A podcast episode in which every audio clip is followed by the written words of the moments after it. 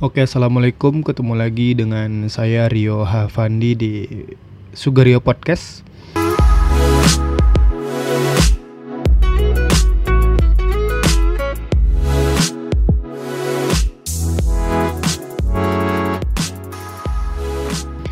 Eh, pertama saya mau ngucapin terima kasih buat teman-teman yang masih stay di sini, yang masih mau dengerin eh, podcast ini.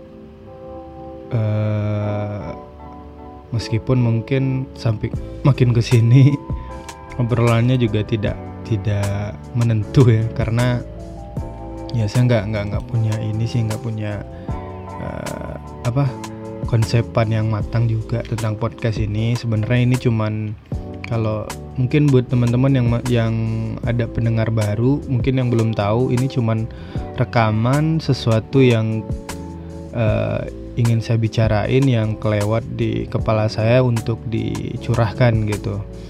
Karena memang secara wadah wadah beropini belakangan eh, jadi tidak seru lagi di beberapa platform seperti di Facebook, Instagram, Twitter, blog itu juga wak- waktu waktu asik-asik nulis dulu mungkin masih masih oke gitu. Nah belakangan eh, ruang-ruang bicara di di platform terutama untuk kepenulisan secara pribadi saya tidak terlalu nyaman meskipun sampai sekarang sih masih nulis gitu.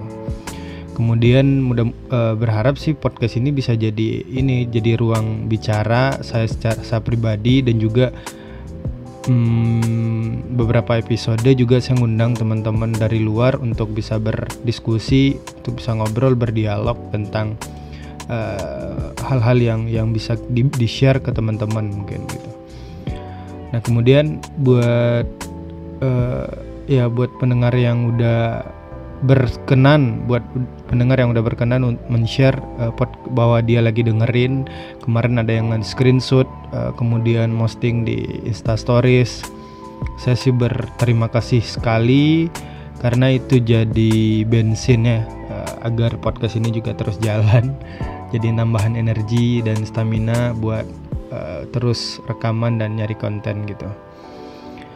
Oke untuk kali ini eh, saya ingin bahas ini sih tiba-tiba kepikiran kemarin waktu di di ini di jalan saya kepikiran kayaknya eh, ke karena kebetulan hari ini kan eh, kalau nggak salah ya minggu-minggu minggu-minggu awal masuk kuliah jadi mungkin eh, kalau ada pendengar di sini yang masih semester 1 baru awal kuliah barangkali ini bisa jadi topik yang relevan ataupun yang masih kuliah. Nah, meskipun saya mikir kayaknya nggak banyak sih yang yang masih kuliah ya dengerin podcast ini. Eh, lebih banyak yang mungkin udah tamat eh, dan ya pokoknya kalau mungkin kalian yang dengerin ini udah tamat kemudian ingin nge-share ke ke junior-junior yang masih kuliah itu saya berharap banget kalian bisa nge-share-nya agar eh, eh, podcast ini jadi lebih berkembang ke ke pendengar-pendengar baru dan yang lebih muda gitu. Apa topik kali ini? Topik kali ini itu adalah tentang uh, penyesalan di kampus gitu. Jadi ada beberapa hal yang mungkin saya atau teman-teman yang udah pernah kuliah mungkin pun pernah punya penyesalan kenapa dulu ketika di kampus nggak ngerjain ini nggak ngerjain itu gitu. Nah setelah tamat baru kepikiran lah tapi nggak bisa lagi kan balik ke kampus gitu. Jadi eh, beberapa hal cuman saya nggak bahas banyak sih, cuman ada empat empat empat hal saja di eh, di kesempatan ini saya coba bahas. Mudah-mudahan sih nanti ke depan kalau ada waktu lagi bisa di- dilanjutkan untuk eh, sebagai gambaran aja sih buat teman-teman yang masih kuliah agar eh, masa-masa di kampus bisa dimanfaatin jadi lebih maksimal gitu. Nah, yang pertama eh, apa yang membuat saya menyesal hari ini atau setelah wisuda? eh, yang pertama adalah kerja praktek. Maksudnya eh, magang gitu, magang, magang di perusahaan-perusahaan gitu. Nah, secara ini eh, apa ya di kampus itu kan ada aturan, ada aturan yang memang secara akademik kita harus mengadakan atau melakukan magang di beberapa perusahaan di di satu perusahaan yang kita ingin magang di situ. Kemudian kita daftar dan itu juga ada nilainya dan juga dipresentasikan hasil magang kita di perusahaan itu gitu. Nah ini jadi penting karena uh, sebagai ini sebagai bekal kita untuk di dunia kerja gitu. Karena di di kampus itu kan nggak banyak apalagi teman-teman yang S1 ya yang tidak banyak yang tidak terlalu banyak praktek itu kan uh, terlalu banyak teori gitu sehingga ketika di lapangan ada kebingungan-kebingungan yang yang yang membuat mereka canggung uh, ketika masuk ke dunia kerja gitu. Nah, sebenarnya hal-hal seperti ini kecanggungan kita di masuk ke dunia kerja itu bisa diprevent uh, di ada tindak di bisa di, dicegah atau tindakan preventifnya dengan cara memaksimalkan kerja praktek gitu. Saya nggak tahu ya di fakultas sosial atau di luar teknik ada atau enggak, tapi beberapa yang sains saya pikir ada lah ya.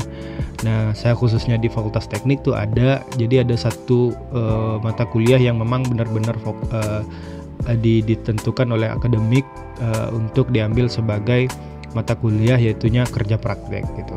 Nah itu pun juga singkat, cuma sebulan. Nah apakah saya dulu kerja praktik? Iya, tentu karena itu kan akademik. Tapi penyesalannya adalah kalau kalau saya balik lagi ke kampus hari ini, misalkan kita saya balik lagi ke semester 4 atau semester 5, saya pikir saya bakalan memanfaatkan setiap semester, semester untuk bisa menjadi uh, mahasiswa magang gitu.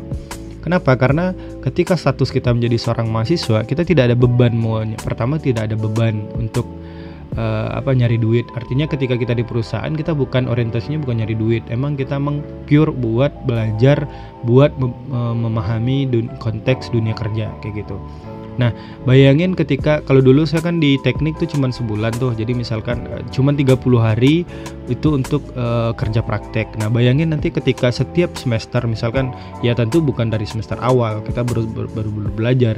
Semester 5 lah minimal. Semester 5, kemudian 6, 7, 8 tuh ada 4 semester yang bisa dimanfaatkan untuk kerja praktek di libur semesternya kalian bisa bayangin kalau ini bisa dimanfaatin menjadi lebih optimal kita menjadi orang yang cukup ahli atau dalam bukan terlalu ahli sih tapi lebih cepat untuk adaptasi nantinya di dunia kerja kenapa karena kita sudah cukup banyak pengalaman di perusahaan gitu.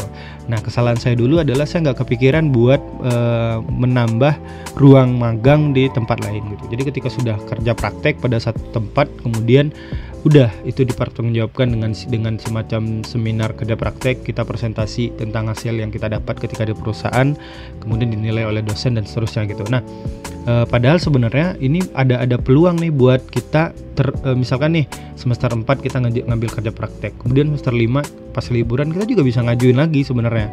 Kalau pun misalkan kita nggak mau itu jadikan nilai tapi kita cuma sekedar minta izin ke, fakultas untuk min, untuk minta surat rekomendasi kemudian kita magang di perusahaan-perusahaan yang kita inginkan gitu. Nah akhirnya liburan-liburan ini menjadi lebih produktif dan apa ya mungkin uh, bukan berarti kita mengurangi jatah kita bermain-main berleleh-lehanya gitu. Tapi uh, saya pikir uh, apa ya peluang seperti ini jadi jarang ketika di kampus gitu. Sehingga uh, nggak bilang berkorban juga kalau dibilang berkorban untuk liburannya diambil untuk kerja praktek nggak juga sebenarnya. Tapi apa ya menurut saya sih seneng, uh, seru aja seben kalau kita bisa mem memanfaatkan ini gitu. Ketika kita di perusahaan kemudian kita menjadi orang yang yang apa ya yang loncat-loncat di lintas perusahaan dengan kerja uh, apa program kerja praktek tentu ini menjadi lebih positif ke, untuk kitanya gitu. Nah, saya bayangin kita tuh kan semacam bayi, uh, burung dalam sangkar gitu. Nah, burung dalam sangkar dia, dia tidak diajarin terbang sama guru-guru di dalam sangkarnya. Eh dia diajarin terbang secara teori. Diajarin terbang secara teori kemudian uh, ada satu kesempatan momen si burung ini untuk keluar sangkar. Itulah kerja praktek tadi, untuk menikmati dunia luar, pergi ke hutan, nyari makan, bla bla bla. Nah, cuman ini tidak tidak tidak optimal karena cuman sekali aja gitu. Padahal sebenarnya kita punya kesempatan loh dua kali atau tiga kali untuk memanfaatkan momentum uh, untuk uh, kerja praktek. Nah, kalian bisa bayangin ternyata misalkan ketika di kuliah kita bisa ke perusahaan A, B dan C kita bisa membandingkan uh, variasi apa uh, dun, uh, suasana kerja, kemudian manajemen kantor dan seterusnya itu kan bisa kita pelajari dari tiga perusahaan yang berbeda-beda gitu. Nah, ketimbang kita cuma satu perusahaan kemudian itu kita presentasikan dan kemudian ternyata setelah di kampus setelah tamat di kampus kita mendapatkan di kantor yang lain. Nah kita bakalan cukup kagok karena suasana kerjanya agak beda mungkin di perusahaan tempat kita magang dulu gitu kan. Nah ketika kita punya tiga atau empat sampel kita bakalan bisa membandingkan apakah uh, perusahaan ini kayak gini tipenya, kemudian perusahaan ini kayak gini. Nah kita muncul dalam otak kita ternyata memang ada hal-hal yang perlu kita adaptasi di tempat kerjaan dan seterusnya gitu.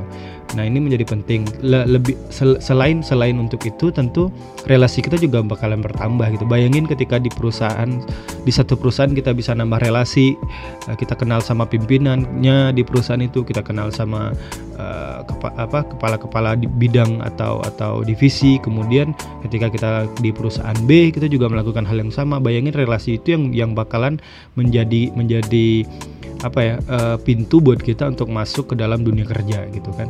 Nah, kesempatan ini juga hanya bisa dipakai ketika kita mahasiswa lagi-lagi. Bayangin ke, kalau saya nggak tahu sih ke ada ada atau tidak perusahaan, tapi mungkin ada, cuman suasananya beda gitu. Ketika kita tamat dari kampus, kemudian kita coba magang di perusahaan, uh, orientasinya udah beda lagi. Kita bukan tentang belajar lagi, tapi lebih kepada tuntutan untuk nyari du uang, kemudian memikirin gaji dan seterusnya gitu. Nah, bukan bukan soal uh, kita mencari mencari uh, apa ilmu adaptasi di situ, tapi lebih kepada uh, lebih ke, kepada orientasinya kepada uang mungkin atau penghasilan seterusnya gitu kan.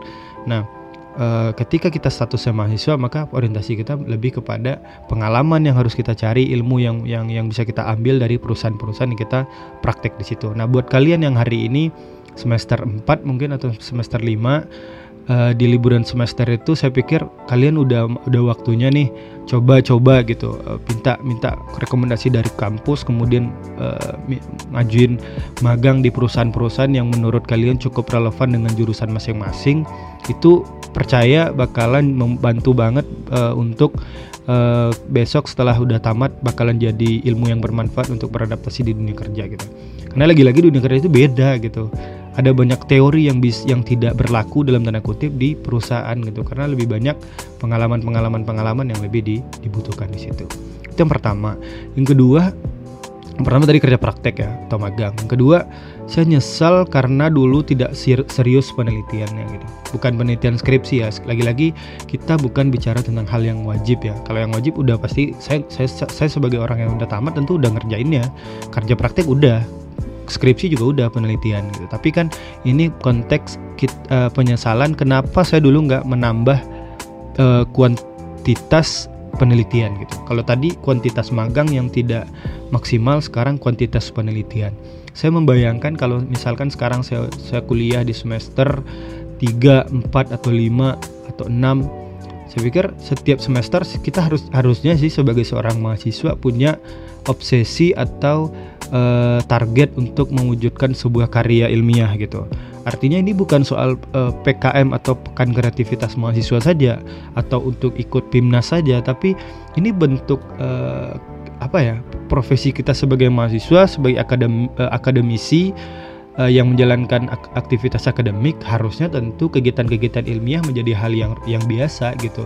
Nah dulu saya uh, sempat pernah ikut lomba-lomba PKM pekan kreativitas mahasiswa mungkin hampir setiap semester itu uh, ikut cuman memang orientasinya beda gitu uh, maksudnya tidak tidak di, tidak uh, berangkat dari kepenasaran saya bahwa saya ingin saya ingin meneliti tentang ini gitu. Saya ingin membuktikan uh, sebuah teori seperti ini gitu. Tapi lebih kepada ingin nyari apa uh, ingin prestasi menang di PIMNAS atau ingin dibiayai oleh pemerintah dan seterusnya gitu. Padahal sebenarnya pe pembiayaan untuk penelitian itu sebenarnya kan bukan satu pintu. Nah dulu saya mikirnya nggak ke situ gitu. Saya mikir dulu ketika di kampus kemudian mengadakan ingin mengajukan sebuah penelitian dan kebetulan ada momen uh, eh, PKM, saya manfaatin itu. Kemudian ketika nggak dibiayai ya udah PKM jadi gugur. Proposal penelitian itu menjadi gugur, tidak dilanjutkan lagi karena orientasinya untuk PIMNAS kayak gitu. Dan apa ya? Uh, padahal kan lagi-lagi pintu untuk masuk atau mengerjakan penelitian itu kan bukan bukan di PKM saja ada atau tidak adanya pekan kreativitas mahasiswa itu harusnya kita bisa nyari nyari peluang buat misalkan penelitian kita butuh dana kita bisa nyari peluang gitu nah ini ini tidak dimaksimalkan dulu. Saya kalau mungkin hari ini kembali lagi di semester 4 saya bakalan bikin sesuatu yang baru karya-karya baru di setiap semester minimal untuk uh, dibuktikan sebagai karya ilmiah gitu. Nah lagi-lagi ini bukan soal nilai gitu, tak karena saya percaya bahwa ketika kita bisa memujudkan itu, itu akan pertama jadi portofolio, yang kedua secara ilmu kita tentu atau pengalaman kita tentu lebih lebih matang dan dan dan uh, ini menjadi positif untuk ketika kita udah di pasca kampus gitu. Nah, ketika kita di status mahasiswa lagi-lagi itu juga kita bisa manfaatkan untuk nyari dana dan seterusnya, ngajuin proposal. Nah, bayangin kalau kita mengadakan pengujian karya ilmiah ketika sudah tamat, tentu nggak ada lagi orang yang mau membiayai gitu kan. Mana ada investasi yang ya, investor yang mau investasi di situ gitu. Nah, itu yang ketiga, eh yang kedua ya uh, ini udah 5-15 menit nih. Yang ketiga tuh yang per, uh, ini sih saya dulu tuh tidak terlalu melatih kepenasaran gitu, rasa penasaran gitu. Jadi rasa penasaran itu tidak menjadi obsesi dalam berkuliah gitu. Maksudnya ya udah kalau dosen ngajar diterima, kemudian dengerin, kemudian uji ikut ujian, udah dapat diisi soal-soal yang dikasih, kemudian nunggu nilai keluar, udah itu aja gitu tidak tidak ada uh, hasrat atau uh, apa ya ke, rasa penasaran yang yang tinggi untuk me, membuktikan sesuatu gitu atau mencari sesuatu gitu. Jadi motivasi pergi kuliah ya udah pengen nyelesain studi aja gitu. Tidak tidak tidak apa ya? Saya bayangin kalau mungkin kalian yang sekarang masih baru-baru nih uh, mulai mulai mulai mulai gali tuh rasa penasaran dilatih karena kalau nggak penasaran kuliahnya jadi jadi apa ya? Jadi nggak mungkin mungkin bisa selesai studinya bisa selesai tepat waktu juga. Cuman uh, ada hal-hal yang ru yang merugikan kita atau ada hal-hal yang hilang ada konten-konten yang hilang karena uh, obsesi kita itu beda gitu. Nah bayangin kalau rasa penasaran itu yang bertumbuh dalam diri kita kemudian kita pergi kuliah ingin ketemu dengan dosen kemudian ingin berdialog setelah misalkan nih coba bayangin setelah sebuah kelas sudah 100 menit misalkan kelas selesai kemudian semua bubar. Nah kita ke, ternyata ke, secara sadar kita menemui dosen kemudian menanyakan sesuatu yang mungkin bikin kita penasaran. Nah kemudian si dosennya juga ternyata misalkan tidak bisa jawab, kemudian kita sama dosen itu menjadi ru ada ruang dialog, kemudian mencari jalan keluar dari penasaran kita dan seterusnya gitu. Nah maka ruang-ruang uh, ber, bersuasana ilmiah seperti ini bisa jadi lebih terjaga gitu kan. Saya nggak tahu sih kayaknya di kampus-kampus besar yang ada di di luar saya pikir cukup kental ya suasana akademiknya. Cuman saya dulu cukup tidak terlalu konsisten atau tidak terlalu fokus untuk menambah terus uh, atau membuktikan terus rasa penasaran di bidang elektro yang saya jalani waktu kuliah gitu. Yang pada akhirnya saya ya kuliah memang bisa selesai uh, bisa bisa selesai tidak terlalu lama juga tidak terlalu cepat. Tapi ya udah habis kuliah jadi kepikiran kan wah kenapa dulu saya nggak ini? Kenapa saya dulu nggak memanfaatkan ini? Gitu gitu jadi yang ketiga kalian yang sekarang masih kuliah terus latih rasa kepenasaran kalian sehingga jadikan dosen itu menjadi orang yang selalu dituntut setiap per, uh, kalian bertemu ataupun nggak ketemu kita ada kontaknya dan seterusnya gitu untuk dihubungi. Nah, nah ini ada hubungannya dengan yang keempat. Yang keempat adalah uh, yang saya sesali juga adalah dosen relationship. Saya nggak tahu sih apa sih bahasanya. Intinya hubungan kita dengan dosen itu tidak harusnya sih tidak sebatas guru dengan murid gitu bahwa ketika kita melakukan aktivitas perkuliahan di kelas, kemudian dosen menerang, menerangkan materi kuliah, kemudian selesai ya udah kita kita juga bubar, kemudian dikasih tugas kita kerjain, dikasih pas ujian kita juga datang kemudian menyelesaikan soal-soal yang dikasih udah gitu. Padahal sebenarnya saya mikir kalau bisa sih kita pun emang punya koleksi uh, atau bukan koleksi, ada ada ada timeline rutin kita menuntut dalam tanda kutip menuntut dosen untuk uh, memberikan ruang jawab dari rasa penasaran kita tadi gitu. Eh, nomor-nomor WhatsApp si dosen udah kelengkap nih sama kita. Kemudian kita bertanya tentang misalkan nih uh, ke bidang teknikan kemudian ada ada kita hal yang meragukan kita kita WhatsApp.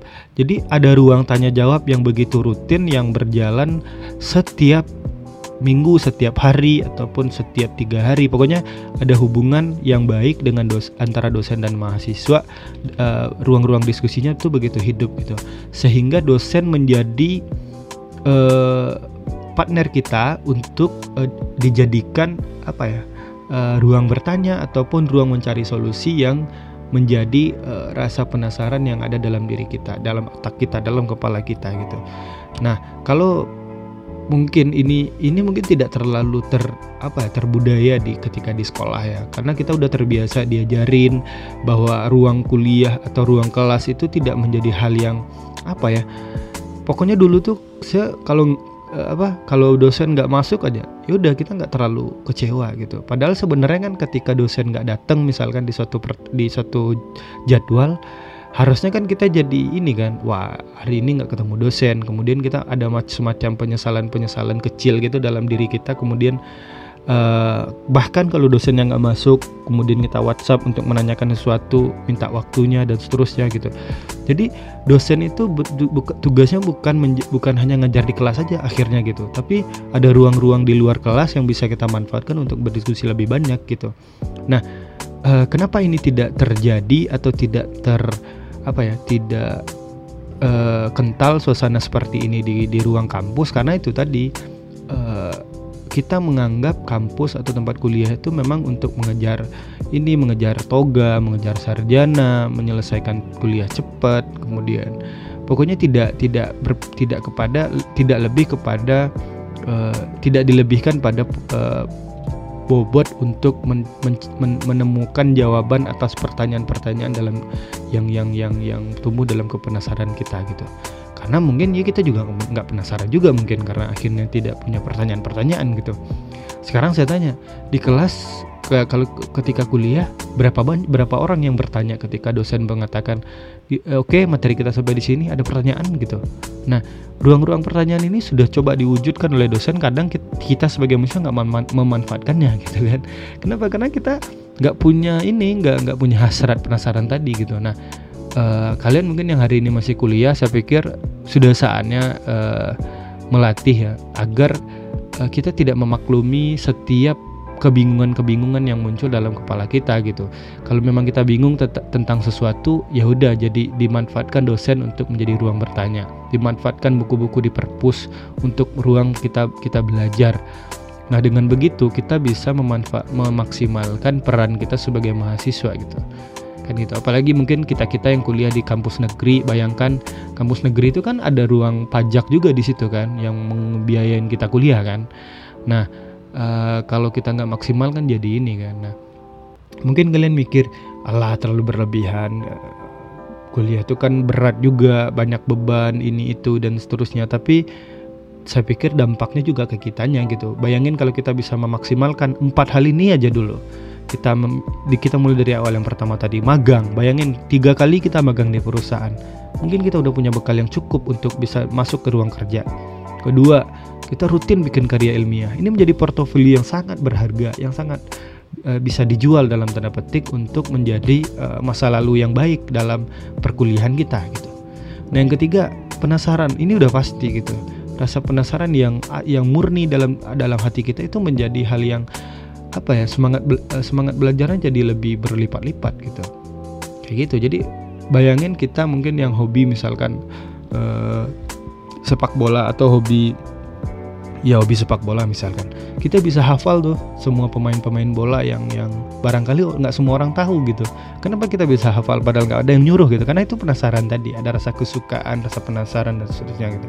Dan yang keempat juga dosen relationship ini bayangin ketika kita punya hubungan yang baik dengan dosen kemudian dari sekian puluh dosen itu kita punya apa track record yang baik dalam dalam berkomunikasi ini tentu akan menjadi jalan yang bagus juga jalan yang mulus juga suatu hari kita mendap, me, me, me, apa ketika men, me, menemukan uh, permasalahan ketika di ruang kerja misalkan atau mau nyari kerja aja mungkin dosen juga punya banyak link untuk uh, menempatkan kita di tempat-tempat kerja gitu. Nah bayangkan relasi relasi-relasi dosen ini kan dosen itu kan dulu kuliah juga. Nah teman-teman kuliahnya kan barangkali udah juga punya pimpinan-pimpinan perusahaan atau pimpinan-pimpinan project dan seterusnya gitu. Nah, kalau kita punya hubungan baik dengan dosen, saya pikir ini menjadi ini menjadi apa? Hal yang uh, berman, ber, yang bisa kita manf manfaatkan dalam tanda petik untuk jalan pintas menuju ruang kerja yang lebih uh, optimal, lebih maksimal, lebih lebih lebih lebih cepat gitu. Sehingga ketika udah kita udah tamat kampus saja tawaran kerja udah masuk tuh gitu. Kita nggak lagi nyari nyari kerja di uh, di di di di website-website online ataupun di kantor pos. Kita nyari-nyari informasi lowongan kerja enggak bahkan lowongan kerja itu yang datang ke kita karena kita udah punya track record yang dikenal oleh banyak orang gitu. Karena prestasi-prestasi kita di kampus gitu kan. Tapi saya dulu ya itu tadi ada empat hal mungkin yang barangkali kalian bisa ambil untuk dilaksanakan di, dikerjain mulai sekarang yang masih kuliah mudah-mudahan sini bisa bermanfaat ya Oke, terima kasih udah 25 menit. Kali uh, kalau kalian ini yang dengerin yang udah tamat kuliah, saya minta tolong di-share ke teman-teman yang masih kuliah atau lebih gampangnya gini aja. Ketika lagi dengerin ini di screenshot kemudian pasang di Insta Stories terus di tag teman-teman yang masih kuliah atau junior-juniornya juga tag saya @riafandi di Instagram. Oke, itu saja mungkin terima kasih buat teman-teman yang udah dengerin.